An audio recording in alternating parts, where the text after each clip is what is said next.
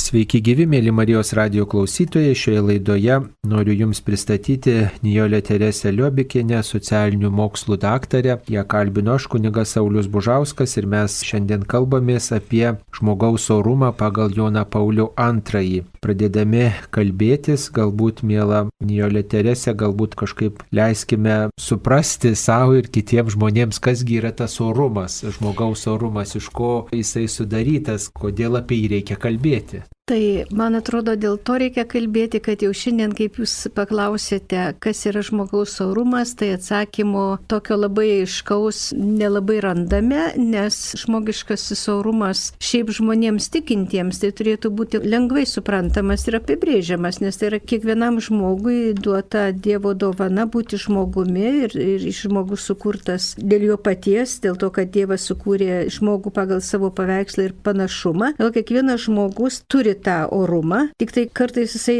arba nežino, kad jį turi, arba jisai jį pažeidžia arba leidžia kitiems pažeisti. Bet dabar visuomenė, nu, nėra tokia, reiškia, teistinė, jinai, jinai nusigrėžė nuo kurėjo ir ypatingai nori būti laisva, demokratiška ir visa kita. Ir todėl labai dažnai naudojamas ta savoka žmogaus saurumas, jinai tokia, nu, tarsi neturinti turinio.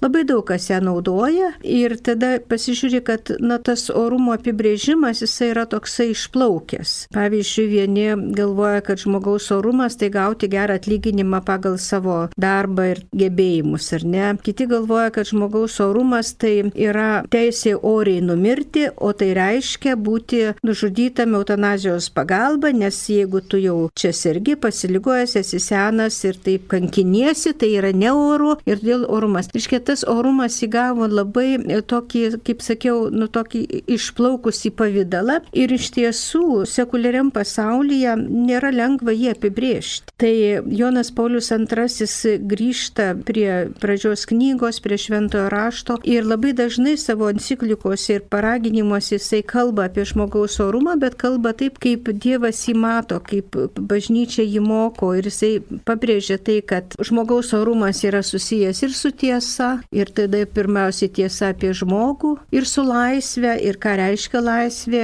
kaip gebėjimas arba galėjimas pasirinkti ir daryti gerą arba blogą. Tai Dievas paliko tą laisvę, kaip apsispręsti žmogui. Ir tai iš to jisai kalba labai dažnai ir apie moters orumą, apie vyro orumą, apie vaiko orumą. Ir tas Jono Pauliaus antrojo ypatingai toksai pabrėžimas, kad tas žmogaus orumas tai yra Dievo dovana, Dievo atspindys ir kad visi kiekviena žmogiška būtybė nepriklausomai nuo jo kokybės Dabar yra labai, labai patriškė sakoma, kad gyvenimo kokybė tai yra lygų žmogaus orumas. Reiškia, jeigu turi gerą gyvenimo kokybę, tai reiškia, orumas yra taip. Jeigu ne, tai jo orumas pažeidžiamas. Tai Jonas Paulius II ypatingai savo enciklikoje apie gyvybę, bet taip pat ir laiškė šeimoms apaštalinėje adhortacijoje Familiaris konsorcijus, jis tą kalba ir pabrėžia, kad tai žmogaus, kiekviena žmogiška būtybė nuo pradėjimo momento, jinai yra žmogus ir būtent jai yra suteikiamas tas orumas, kurį reikia gerbti ir su kuriuo reikia skaitytis.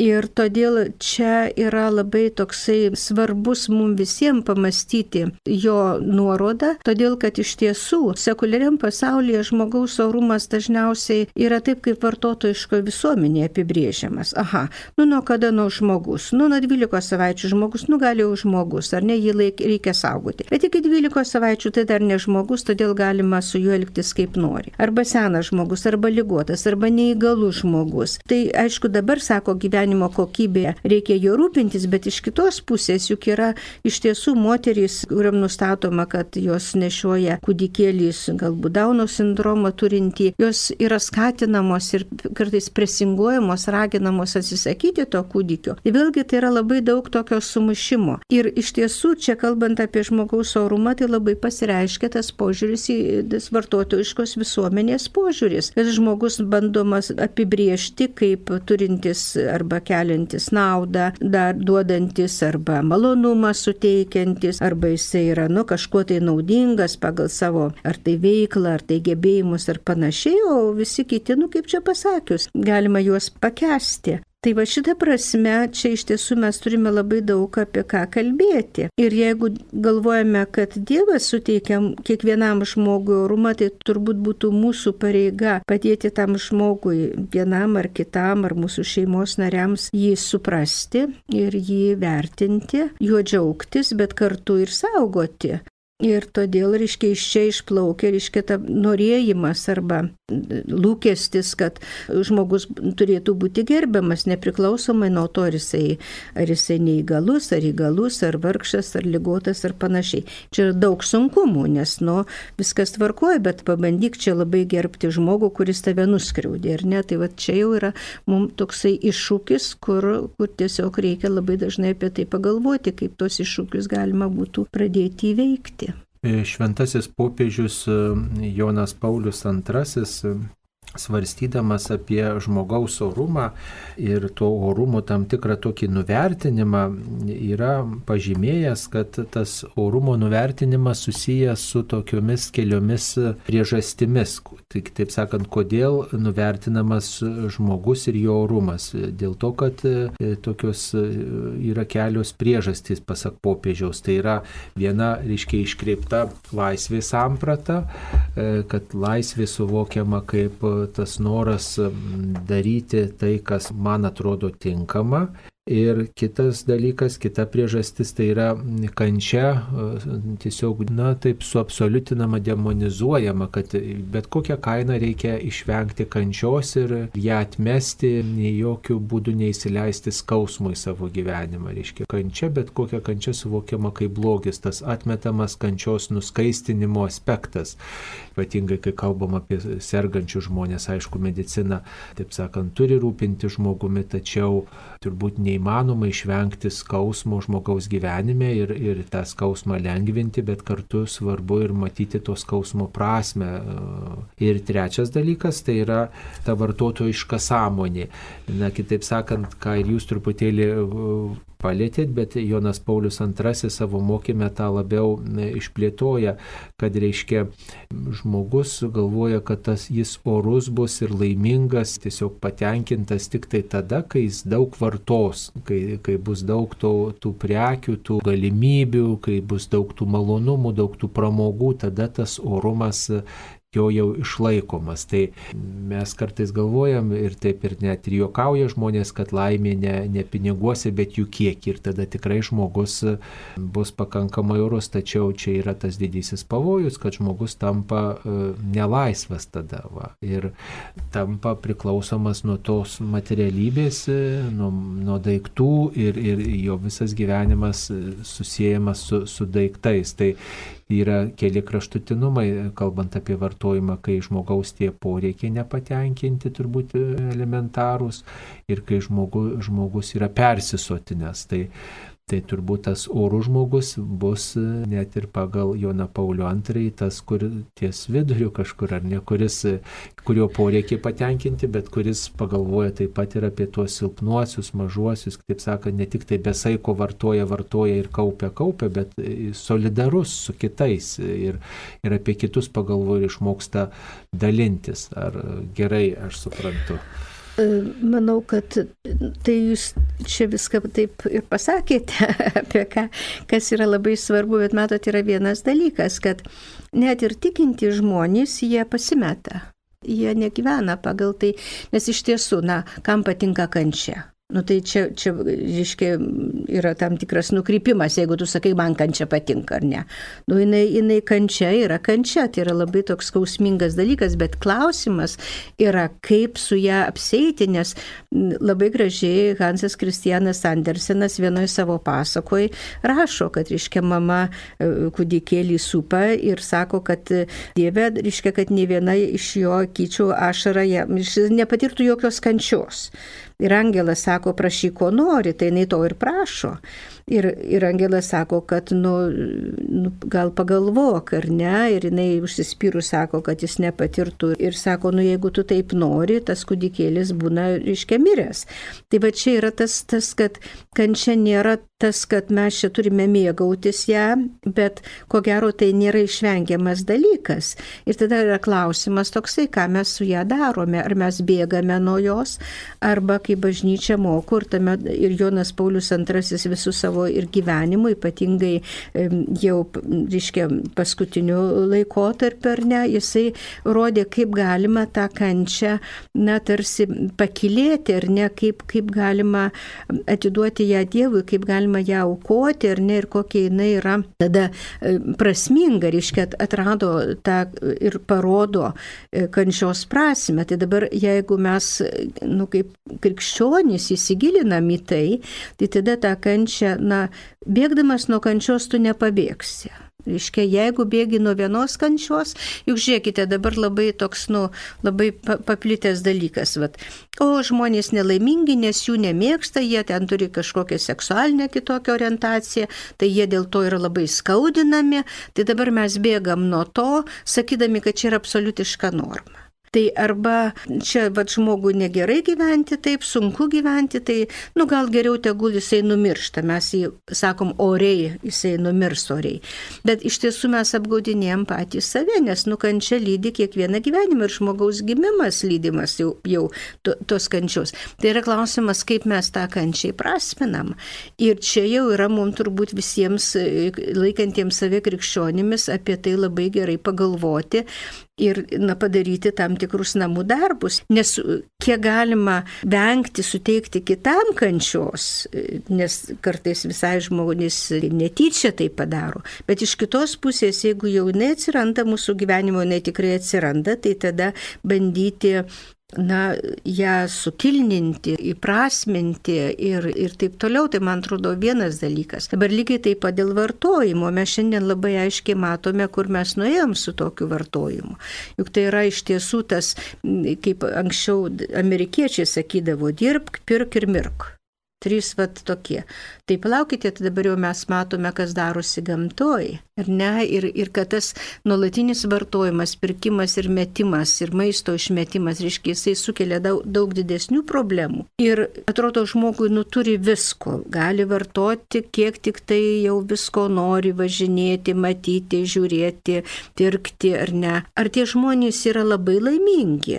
Ar jų tarpe nėra žmonių, kurie žudosi, kurie yra sergantis baise depresija, kurie yra tokie nusivylę viskuo ar ne, ir dėl to pradeda gerti ir pradeda naudoti narkotikus ir taip toliau. Vėlgi tai yra tas gyvenimo praktika turbūt irgi rodo, kad vien tik tai vartojimas dėl vartojimo, o dažniausiai po to vartojimu tai kiti dalykai yra paslėpti, pavyzdžiui, nu kokia nors puikybė, ar ne, tai, tai tada mes vėlgi grįžtam prie dekalogo, ar ne, tada arba norime vartoti daiktus iš pradžių, bet paskui sudaiktinam žmonės. Mes pažiūrėkime, kas darosi su priekyba vaikais, su priekyba žmonėmis šiaip jau vyrais ir moterimis. Daugiausiai, aišku, moterimis, bet, bet būna, kad priekiauja ir vyrais. Galų galėta priekyba žmonėmis tai ne tik tai seksualinių vergais padaroma, išnaudojama, bet, pavyzdžiui, padaromi vergai, kurie yra beteisiai ir, ir skriaudžiami, reiškia, darbo prasme. Vėlgi, reiškia, mes patenkame į tą pačią baisę situaciją, kuri, nu pasakyčiau, iki krikščioniška buvo. Visuomenė tampa tokia. Ir todėl man atrodo, kad jeigu mes nes, nesigrėžim atgal į krikščionybę ir netampame, ne tik tai, žinai, aš galiu žinoti apie krikščionybę viską, bet ne, negyvenu tuo, tai tada aš pasimetu savokose, aš galvoju, laisvė svarbiausias dalykas, kas yra tiesa, tiesa, kaip aš apibrėžiu, bet visada pasimesi. Žinai, mes prarandam kriterijus.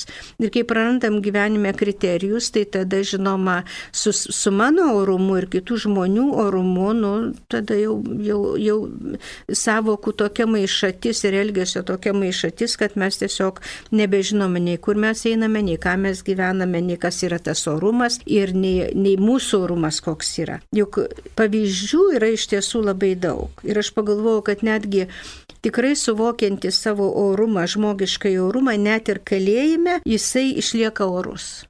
Jisai žino tą savo, kad Dievas mane sutvėrė, man padovanojo, aš atėjau iš tą pasaulį, taip dabar mane ten, bet aš vis tiek darysiu gerus darbus. Viktoras Franklis labai gražiai apie tą rašo, kad, reiškia, kiekvienam konslagerį galėjo rasti žmonių, kurie ėjo, darė gerus darbus, kitus guodė, su, ryškiai ir tokių mes turime nemažai ir, ir, ir Lietuvoje, ir ne ir vieno, vienose konslageriuose, ir kituose.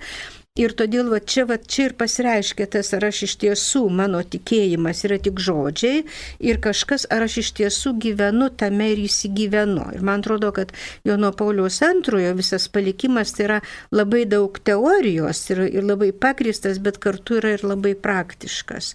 Nes visą laiką ragina tam tikrus dalykus daryti apie kuriuos jisai kalba ir taip pat antro Vatikano suvažiavimo, reiškia, šviesoje, tarsi ragindamas nu, tuos dalykus įgyvendinti. Tai, tai aš manau, kad čia yra nepaprastai svarbus dalykai. Ir šiandien mes kažkaip tai galvojam, kad netgi religija yra vartojama. Mes irgi vartojam vartotojai. Ai, nu tai jo, gerai reikia čia. Nu tai gerai, čia dabar ateisim. Ai, nu čia kažką tai darys. Mes kartais visiškai neįsigyvenam ir visiškai nesuprantam, ką iš tiesų reiškia vienas arba kitas dalykas. Ir labai kartais, nu taip, vat, netgi didžiuodamiesi galime vartoti. Aš esu skaičiuoti, kiek aš aplankiau ten visokių, reiškia, atlaidų, tas irgi yra gerai, bet galbūt ne tikslis dalykas. Savitikslis dalykas. Ir aš vartoju tą ir, ir vartoju ir Dievą bandau vartoti, nes, nu, kažkaip jisai va, turėtų va, elgtis pagal tai, kaip aš jam sakau. Nu, jis aišku, kažkodėl taip nesielgia, nu, bet gal dar pasitaisys. Čia jau toksai šiaurus pajokavimas, bet taip dažnai tas yra. Ir va čia mes grįždami prie Jono Jono Pauliaus antrojo, nors dabar aišku ir, Benediktas XVI ir popiežius Pranciškus, jie tęsia tą pačią liniją ir tai yra labai žavu kad tai nėra, kad jau vienas popiežius nuėjau, tai dabar jau viską užmirškim ir, ir ne, tai, tai yra šventoji dvasia turbūt taip veikia.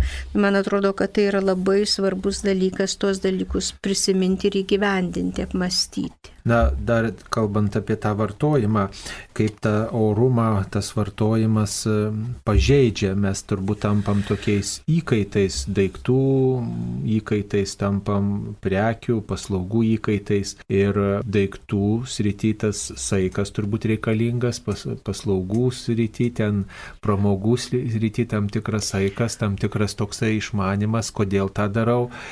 O, vat, kaip jūs minit, religijos srity, kad mes į santykį eitume, bet nei tokius priekybinius mainus, kažkoks aš sumokėjau, už paukojau, man čia turi būti, arba aš atėjau, čia man taip turi būti. Aš nusipirkau paslaugą. Taip, pas, paslaugos, tas mhm. mentalitetas daugiau reikia turbūt santykio su asmeniu. Aš, reiškia, atjaučiu bendruomenę, aš ateinu pas viešpatį, viešpats yra tas, kuris mane myli, kurio aš atsiprašau, kuris yra mano tikslas gyvenime, truputį kitas santykis reikalingas šitoje srityje. Bet tai, ką jūs sakote, taip, ir man atrodo, kad čia vat, visi šitie dalykai, kad mes labai neatsparus, juk už tų dalykų slypi na, toksai aš pasakyčiau, puikybės elementas.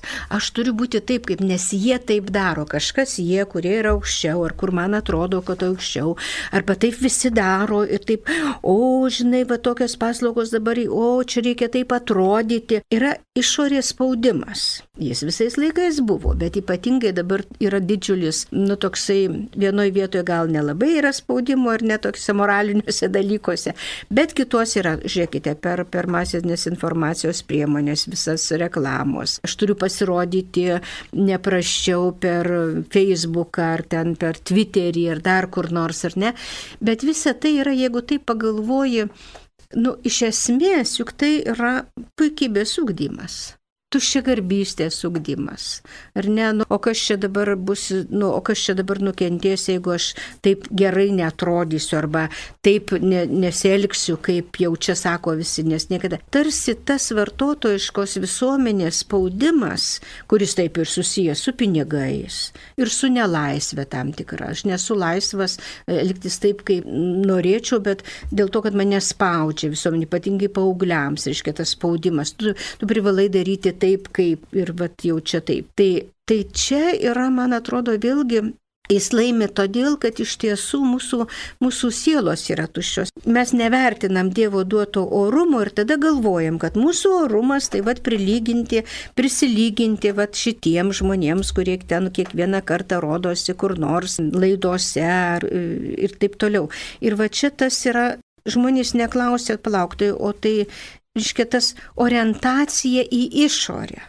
Viršinė Satir labai gražiai, vat, šeimų konsultantė ir, ir terapeutė labai gražiai sakydavo, kad žmogus, kuris nesuvokia, kad turi vidinį brangakmenį, taip gražiai sakydavo, kiekvienas žmogus yra neįkainuojamos vertės brangakmenis, iškai savo viduje. Ta galima sakyti, kiekvienas žmogus ir neįkainuojama orumą. Bet jeigu jis nežino, kad turi tą brangakmenį, tai tada jis yra labai labilus, jis yra labai pažeidžiamas, nes jis nori daryti taip, kaip išorė jį spaudžia.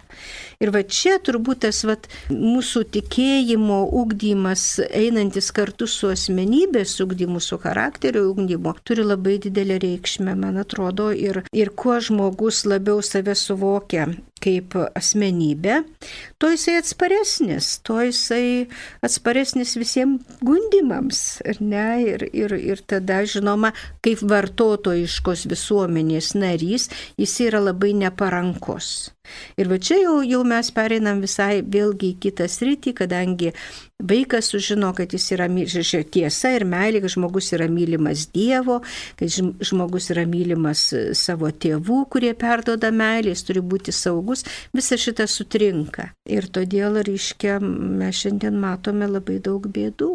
O dar norėčiau grįžti prie to supratimo e, Jono Pauliaus antrojo, jog žmogaus orumas neatsiejamas nuo laisvės, o laisvė, tikroji laisvė neatsiejama nuo tiesos, kad e, tikra laisvė turi eiti su tiesa. Kitaip tai bus iškreipta laisvė, gaulinga laisvė ir tik tai laisvė, kuri eina su tiesa, gali ugdyti žmogaus orumą. Kaip šitai mums suprasti? Aš manau, kad, na, pirmiausiai, ką žmo, juk iš tiesų, jeigu mes pažiūrime į, į vartotojišką visuomenę, tai tiesos ten labai mažai. Kodėl, pavyzdžiui, kiekviena reklama, ar ne, jinai, jinai reklamuoja ką nors, ar ne, jinai, jinai nepasako visos tiesos. Apie. Bet jeigu mes dabar kalbame apie žmogų, tai pirmas dalykas, kad žmogus turi pats, pirmas turbūt žingsnis suprasti, kas aš esu ir kam aš esu savam šitam pasaulyje. Ir žinoti tiesą apie save. Ir dabar, ar mes tą tiesą sužinome ir iš kokios pozicijos mes galvojame, kad čia yra tiesa arba nėra tiesos, tai mums kaip tikintiems žmonėms man atrodo, kad čia yra, nu kaip pasakyti, gana nesunkus uždavinys. Kad tiesa yra ta, kad viešpats Dievas sukūrė mus ar ne ir taip toliau. Bet netikinti žmogus sakys, nu tai palaukti, čia didžiausia neteisybė, kad aš nuo gimimo esu neįgalus kuo aš čia nusikaltau. Kokie? Nu, aš suprantu, kad aš nuo gimimo esu neįgalus. Nu ir kas iš to? Tai dėl to aš esu nelaisvas arba, arba ir taip toliau. Ir tada atsiranda, kad jeigu mes išmetame Dievą, ką labai dabar bando padaryti vartotojiškos visuomenės, net ir ES jau, kaip sakyt, e, atsisako. Tai tada mes apie tiesą kalbėt, na kokią tiesą? Na kiekvienas žmogus turi savo tiesą. Nu bet palaukite, Nu, ar tai yra tiesa, kad kiekvienas žmogus turi savo tiesą? Jisai galvoja, kad jo požiūris, nuomonė yra tiesa, bet va tas tiesos subjektyvinimas kažkoks netgi, nu, jo, o kas yra tiesa? Pilotas klausė Jėzus, kas yra tiesa? Ir Jėzus atsakė, aš esu kelias tiesa ir gyvenimas ar ne. Tai bežiūrėkite, jeigu žmogus to netiki, tai tada jisai turi ieškoti. Yra klausimas, ar jisai yra sąžiningas su savimi. Ir jisai sako, aš nežinau, kas yra tiesa. Ir aš bandau ieškoti. Ir jeigu jisai bando ieškoti, jisai tikrai, ko gero, atras. Bet jeigu žmogus sako, aš žinau, aš turiu savo tiesą ir mano tiesa yra tokia ir aš nenoriu nieko keisti, tai tada nuvargas jam gal atrodo gerai, bet bet kažkaip, man atrodo, kad tada ir su jo orumu, ir su jo laisvė, pats žmogus e, patenka į savo tiesų nelaisvę. Na, turbūt čia reikėtų kalbėti apie tą savęs ugdymą, tam tikrą savęs lavinimą, tam, kad aš tą tiesą atraščiau. Net ir popiežius Jonas Paulius II laiškė apie tai, ką kalba, jog kiekvienas žmogus turi įgimtų gebėjimų, kuriuos reikia ugdyti. Ir tai padeda žmogui skleistis ir tai priklauso nuo, nuo to lavinimo, jo auklėjimo, priklauso jo būsima gyvenimo sėkmė. Tai e, kartais turbūt e, į tai netkreipiamas dėmesys į tą tinkamą ūkdymą žmogaus, kad štai pažintų žmogus e, tiesą apie save, apie pasaulį, apie aplinką ir galų galę apie patį Dievą. Tai e, vienas kraštutinumas turbūt, kad tos technologijos yra suabsoliutinamos ir e, tiesiog be vertybių jos eina, su, su tam tikra nauda. O kitas kraštutinumas turbūt, kad ne visiems ta lavyba, savęs ugdymas yra prieinami Matot, jeigu taip galvoti 21 amžiuje, tai reikia tik tai noro. Galima, juk jeigu tu žinai ir tu nori, to ir suvoki, kad tau reikia. Bet jeigu tu galvoji, kad tu esi pasaulio centras ir tu esi tiesos monopolį turinti žmogus, tai tada atkrinta noras ir ugdytis, nes, nu šiaip jau taip, o dėl ko čia. Tai vienas dalykas. Kitas dalykas, mato, tas ugdymas vis tiek jisai turėtų turėti ir turi turėti tam tikrą terpę. Tai pirmoji terpė, kuri yra ir apie ką popiežius 93 metais beros laiškė šeimoms labai gražiai rašo, kad pirmoji ta terpė, pirmoji aplinka, kur ugdosi vaikas, arba jisai ugdosi meilę, arba jisai mokosi pasitikėti ir mane tai yra šeimos aplinka tame tarpe religinis ugdymas yra. Visoksai, ne tik tai žinių perdavimas, nes, reiškia, žmogus mokosi nu, nuo pat gimimo, ar jisai yra saugus, ar jisai yra mylimas, ar jisai gauna, ar jisai gali pasitikėti, nes jeigu jis verkia, tai tėveliai ateina, ar ten kas nors jį paima, pamiluoja ir nuramina. Ar jisai to negali, tai čia yra labai, tai čia pirmieji pagrindai. Ir jeigu jisai tuos pagrindus gauna, tai tada jau toliau įsijungia darželis mokykla bendruomenė, Tada žmogus mokomas, ugdomas, pavyzdžiui, netgi per tokius labai e, paprastus dalykus kaip mandagumas ar ne, ar pagarba kitam žmogui. Juk tada ne, neskait, ne, ne, nu, nei mums turbūt tėvai neskaitė paskaito apie žmogišką orumą e, ir dabar turite gerbti. Ne, sakė, tu yra vat, pagarba kitam žmogui, ar jisai būtų senelis, ar jis neįgalus, ar jisai... Ir tas nebuvo lengva, nes visada atrodo, ką čia dabar žinai, ne, bet tas koregavimas elgesio ar ne, tai vėlgi vyko šeimoje ir be abejo, kad vyko ir bendruomenėse. Tai dabar va, šitas pastatas, kuris iš tiesų žmogui yra, jo ugdymui yra labai svarbus, jisai sugriuvo. Ir pirmas dalykas dėl to, kad vartotojiškoje visuomenėje keičiasi labai ir vaidmenys ir sako, tu turi dirbti, dirbti, dirbti, dirbti. Yra tokia labai, nežinau, kiek jūs skaitėte, bet man labai patinka jau dabar amžinatilis tas rašytojas Gendrutis Morkūnas. Jis buvo fizikas, bet jis nepaprastai turėjo talentą rašyti ir kas svarbiausia, jisai labai gerai suprato vaiko vidų. Ir va, reiškia, viena tokia knyga, kur mergytė gimsta, reiškia, ir jinai viską girdi, viską jaučia, ir mama pasigodžia, kad jinai dabar, va, jau du metus turės su ją būti ir jinai negalės eiti į darbą, nes taiga dinksta. Nu, čia tokia kaip pasakos forma. Bet labai jautriai parašyta, ar ne, tai kad mes stumiam tėvus į darbą, būtinai mamas į darbą, paskui sakom, nu, mes dabar tu, tu du mėnesius turėjai, reiškia, mažai palieka autonomijos šeimoms, tai čia galbūt kitas klausimas.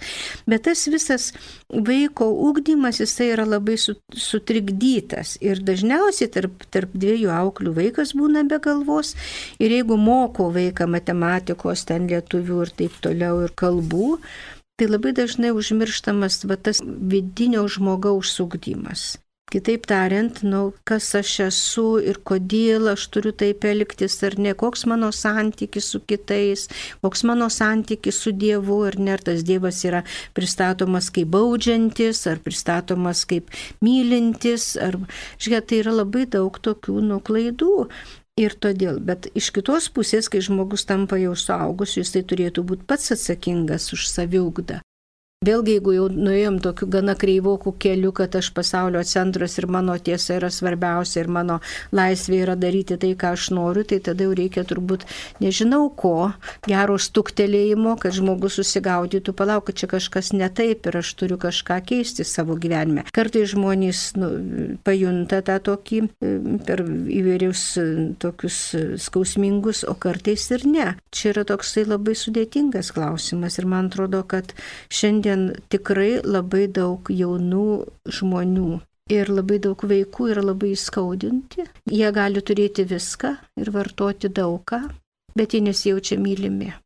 Net tai va tas šeimos aspektas, ne, kad reiškia šeimos, nepilno šeimos arba tie šeimos santykiai sužaloti taip pat žmogaus orumą žaidžia visam ypatingai, gyvenimui. Ypatingai. Nes sužeista žmogaus tas, tas poreikis mylėti, tas ilgesys, meilės ilgesys nepatenkintas. Taip. Ir, čia, ir čia galima galvoti, kad čia yra nepaprastai daug dalykų. Pavyzdžiui, vaikas, kuris auga smurte smurtas yra pleistimas, kad, kad kai jo visai nesirūpina, žodžiu, arba nu fizinis ir ten visoks kitoks smurtas, kad ten ir muša, ir, ir uždaro tamsius kambarius, ar dar kur nors, ar dar kur nors. Tai tada, bet tą daro jam, nu, mylimiausi žmonės, jo tėvai. Ir tada kalbėti vaikui apie Dievą, kad Dievas yra mylintis tėvas, tai jis sako, nepuskit čia man arabų. Koks čia mylintis tėvas, mano tėvas tai mane muša. Tai reiškia ir Dievas mane, va taip, čia dabar baus, tai kas čia, kas čia. Žiūrėk, yra labai daug pasipriešinimo tada. Ir tada žmogus turi realiai pamatyti tą kitokią meilės išraišką. Ir va čia bendruomenė turėtų labai daug. Bet žiūrėkite, vėlgi, vartotojiško visuomeniai yra labai didėja atskirtis. Jau Baumanas apie tai rašo sociologas, e, jau miręs dabar, bet, bet labai nu, žymus sociologas pasaulinio masto. Tai jisai rašo apie globalizaciją. Ir sako, bet žiūrėkite, globalizacijos sąlygom labai išryškėja nu, sluoksniai. Ir yra vadinamieji mobilieji, kurie visur gali. Jie gali nuskristi, nuvažiuoti, nueiti, jų, jiem leidžia pinigų, jie turi daug ar ne. Tada yra dalinai mobilieji, nu, kurie kartais biski gali, bet trupučiuką, bet nedaug. Ir tada yra visai nemobilus, kurie yra įkalinti, kurie neturi nei galimybės turėti, reiškia, uždarbio, nei pinigų, nei ko nors ar ne. Ir ką jisai rašo savo knygoje globalizacija, sako, žiūrėkite, Bet dabar mes turime tam tikrus, nu tarsi, tokius neapibrieštus getus miestuose. Iškai miestuose yra rajonai, kur prestižiniai, kur tie mobilieji gyvena ir jie turi viską. Tada yra nu per vidurį, nu va tokie, nu, vidutiniokai, ar ne? Ir visų, kiekvienose didmešiuose, jis ten kalba apie Amerikos didmečius, bet, bet lygiai tas pats ir Europoje, formuojasi tam tikros sritys, tam tikri regionai, kur visiškai nemobilų žmonės. Jie neturi nei galimybių, nei lėšų, nei pagalbos ir nuo jų visi bėga, ypatingai tie prestižiniai, tai jie užsistato didelės tvoras ar ne. Ir tie vidutiniokai irgi nelabai nori, nu kur čia žiūri, kur geresnis rajonas ar ne. Ir tai formuojasi tam tikri 20-ojo amžiaus pabaigoje, 21-am amžiui, nu tam tikri vat, nemobiliųjų žmonių gyvenimai. Ir ten vyksta labai, nu pasižiūrėkite, iš Vilniaus sukėlė į, į kokį ten miestelį žmonės, kur Vilnius supirko jų būtus. Tai kas tai yra? Tai reiškia, yra vat, vėlgi tas visiška tokia socialinė baisi neligybė ir ten iš tiesų darosi blogi dalykai. Ir tada kas ateis į tuos rajonus, kas išties tiem žmonėm ranką. Ir mes sakom, o kokie ten baisų žmonės, ten, ten visokie reiškia nusikaltėliai, bet, bet kaip jie tokiais tapo ir tada kas jiems išties rankas ir pagelbės. Ir va čia vėlgi jau yra didelė problema. Ir, ir tada, žinoma, galima kartais tiesiog paima vaikus iš tų žmonių, globoja ir tada jie, jie užauga gerai žmonėmis, bet, bet kartais neužtenka tų gerų žmonių, kurie juos paima ir globioja. Ir, ir Čia yra didelė problema, jau žiūrėkite, kokioj New York'e arba, arba Vašingtonė važiuojant per kažkokį regioną, sako, užsidarykite langus mašinos ir užsirakinkite duris. Ir net prieš šviesaforo sustojus tave gali gauja atbėgti, išmesti iš automobilio ir, ir, ir nuvažiuoti su tavo automobiliu, ypatingai jeigu jisai geras. Tai va tas Baumanas apie tai rašo ir sako, tai yra globalizacijos iššūkiai, bet ne tiek, nes ta globalizacija yra susijusi irgi su vartojimu, pakartojimu Žmogus, e, nežinodamas tiesos apie save, jis nėra laisvas. Ir jeigu žmogus nėra laisvas, jis tampa vartojimo objektu. Na, čia palėtėtų tokią vieną tiesą, tokią, tokį vieną aspektą, kad e, tas skurdas, ta, ta socialinė izolacija dažnai atsiranda dėl to, kad žmonės neturi darbo, neturi kaip įsitvirtinti arba praranda darbus. Ir Jonas Paulius II taip pat rašo, kad viena iš sąlygų, ar bus pasiektas žmogaus orumą atitinkantis gyvenimo lygis yra teisė į darbą. Kaip kitaip galima apsirūpinti maistu, drabužiais, gyvenamuoju būstu, sveikatos apsaugą ir patenkinti daugelį kitų gyvenimo poreikių, jei žmogus tokoja darbo. Ir dėja darbo stygių šiandien yra didelė problema. Ir tikrai pasaulyje daugybė žmonių kenčia dėl tokio nedarbo. Mes turbūt ir Lietuvoje šitą dalyką pastebim. Ir štai pavyzdžiui, kaime žmonės negali pragyventi iš savo sklipelių, negali pasikeitus tai visai sistemai, žemės ūkio įstatymams, tvarkymo tiem visiems aspektam. Iškai daugybė žmonių neteko darbo ir, ir daugelis žmonių tiesiog prasigėrė, nes, nes neturi darbo, ar ne? Ir, ir daugelis ir emigruoja, na, vat, neturėdami galimybių kaip užsikabinti, tai turbūt tas ta bedarbystė ir vyrus, ir moteris ypatingai nuskurdina ne tik tai fiziškai, bet ir dvasiškai, psichologiškai žmogus jaučiasi nepilnavertis. Ir tas darbo pasiūla, darbas turbūt labai reikalinga žmogui, kad jis tą orumą išlaikytų. Nu, aš manau, kad taip. Tai yra tikrai ypatingai todėl, kad pasikeitė sistemos ar ne. Ir jeigu anksčiau buvo pramonės revoliucijos metu buvo vieni iššūkiai, tai dabar yra kiti. Bet yra tam tikri dalykai, kurie man irgi trupučiuką nu, apmastant, kad ir apie tą pačią bedarbystę, žiūrėkite, Na, žmonės, kurie ūkininkauja, pavyzdžiui, taip. Atrodo, žmonės kaimuose, kaip jūs sakot, neturi darbo, jie tustų mano, tai tik tai liek pas kokį ūkininką ir dirbk, ar ne, nu jis tau kažkiek užmokės, galų gale, ten irgi turi savo daržiuką ir taip toliau. Ne, žmonės neina, jie yra tiek demoralizuoti viduje. Nu, paskui ilgainiui, kai neturi darbo, žinot, atpranta. Bet neilgai, ne, ne, ne, ne, ne, ne, ne, ne, ne, čia yra, čia jo, jūs labai gražiai pateisinat, viskas fain, bet man atrodo puiku, bet man atrodo, kad čia yra viduje vidinė didelė žmogaus problema, kuris galvoja ir tai yra Man atrodo, kad tai yra sistemos bėdos, nes, žinot, bet kalbant su senai žmonėmis, ar ne, pavyzdžiui, tai viena senutė sako, nu bet dabar tai rojų žemėje. Tik augink vaikus ir jie tos tu mano, taigi ir pašalpos, ir pagalba, ir ten taip toliau. Tai aš sakau, nu bet kad vis tiek turbūt sunku, nu tai sunku, tai sunku, nu kam čia lengva, bet žiūrėkite. Bet tas sena moteriškė labai gražiai sako, bet žiūrėkite, negerai taip viską duoti. Žmogaus orumas yra pažeidžiamas e, tada, kada jisai gauna kaip išmalda. Ir beje, apie tai amžinatilsi Baltušio rašytojo mama labai, labai gražiai sakė, kai jinai pirmo pasaulinio karo metu, reiškia, vaikus į mokyklą pabėgėliai, suorganizavo. Tai jinai sako, kiek reikės mokėti. Tai sako, nieko nereikės mokėti. Kaip tai nereikės, reiškia, jos orumas vidinis. Aš negaliu, reiškia, kaip aš, tai kaip aš, kaip nemokėti. Tai žmogus supranta, kad už savo darbą kiti žmonės turi gauti atlyginimą ir ten paskui jau kaimynas ją paprotina, kad tu jeigu turi pinigėlių, tai nunešk paukok, nes kiti neturi, o vaikus mokyti reikia. Ir prie ko aš vedu, žinot, socialistinė sistema suniekino darbą labai svarbiai. Ir kapitalizmas, ir komunistinė sistema, apie ką irgi popiežius labai gražiai rašo keliose savo enciklikose vienodai išnaudoja žmonės. Tik tai socialistinė sistema, kada eiliraštukai tokie buvo, partija visko pasirūpins vaikelį. Neskatino žmogaus iniciatyvą priešingai, tą iniciatyvą žlugdė visokiais būdais, į kalėjimą kartais sodino už, už iniciatyvą. Iškinai taip suniekino žmogaus orumą į žmogaus vidų, kad jis jau tada nustojo, ai, nu ką man tas darbas, tegul kas nors duoda, man priklauso. Tai čia yra viena pusė. Kita pusė, taip, žinoma, kad žmonių, žmogus ne, ne, nerasdamas darbo, bet iš kitos pusės, nu, kartais atsiskleidžia tam tikras žmonių toksai kūrybiškumas. Ir, pavyzdžiui, man labai keista būna, kai kaime gyvenančias žmogus neturi, e, neturi daržovių, neturi ten bulvių. Aš sakau, tai ar jie žemės neturi, ar jie, kaip sako žmonės, ant bruko gyvena ant akmenų.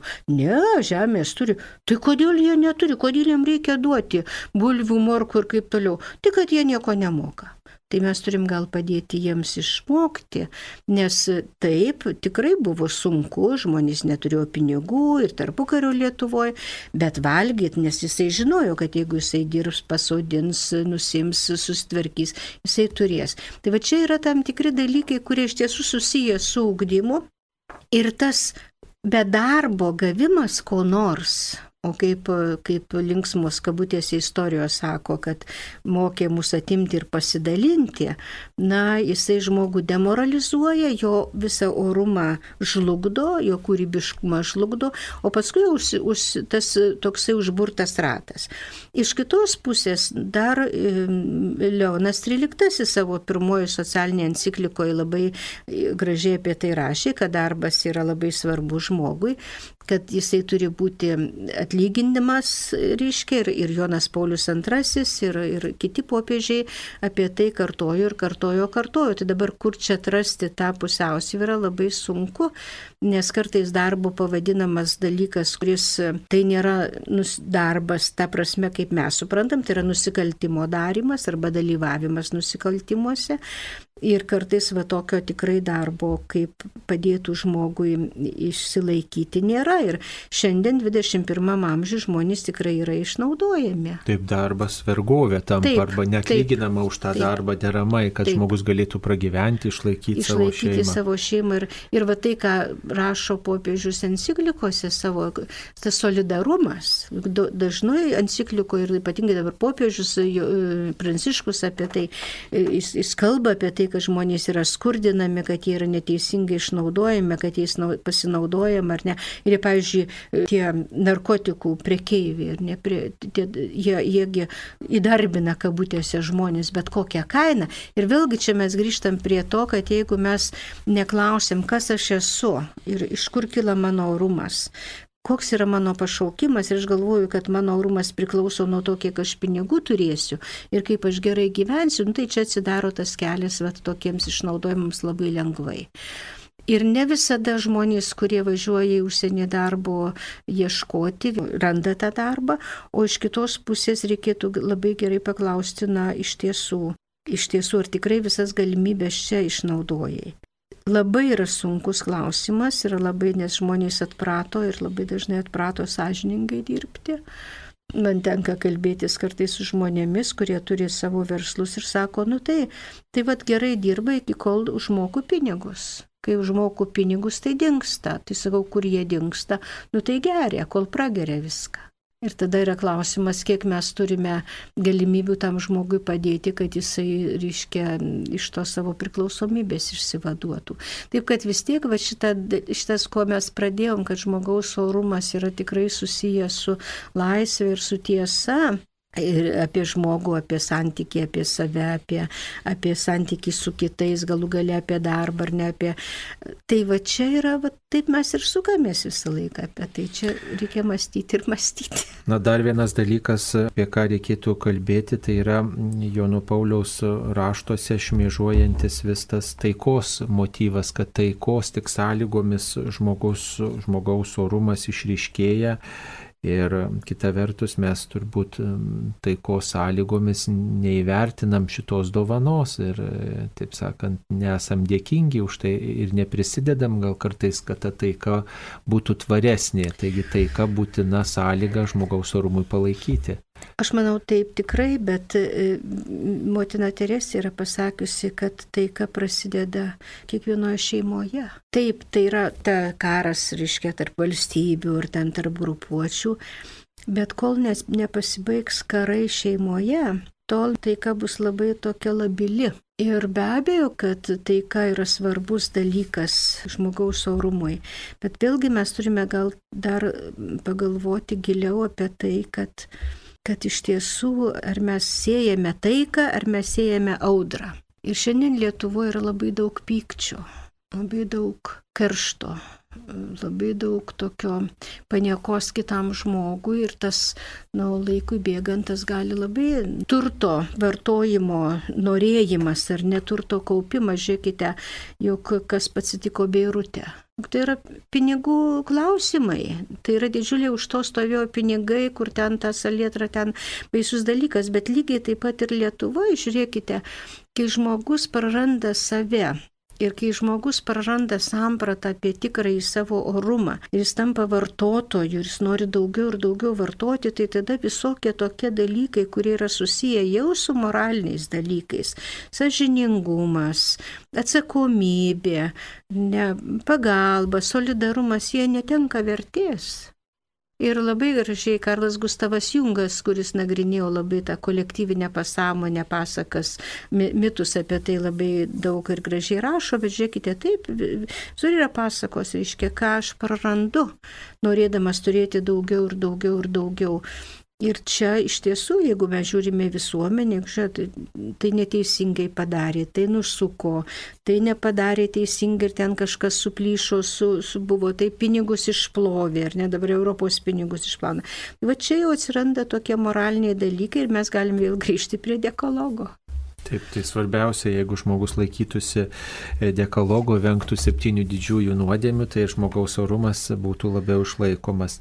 Ačiū Jums, mėla Nijolė Teresė, kad Jūs štai kalbėjote laidoje apie Šventojo Jono Pauliaus antrojo mokymą apie žmogaus orumą. Taigi linkiu kiekvienam tą orumą išlaikyti ir taip pat puoselėti kitų žmonių orumą. Ačiū, sudė. Sudė, ačiū, kad pakvietėt.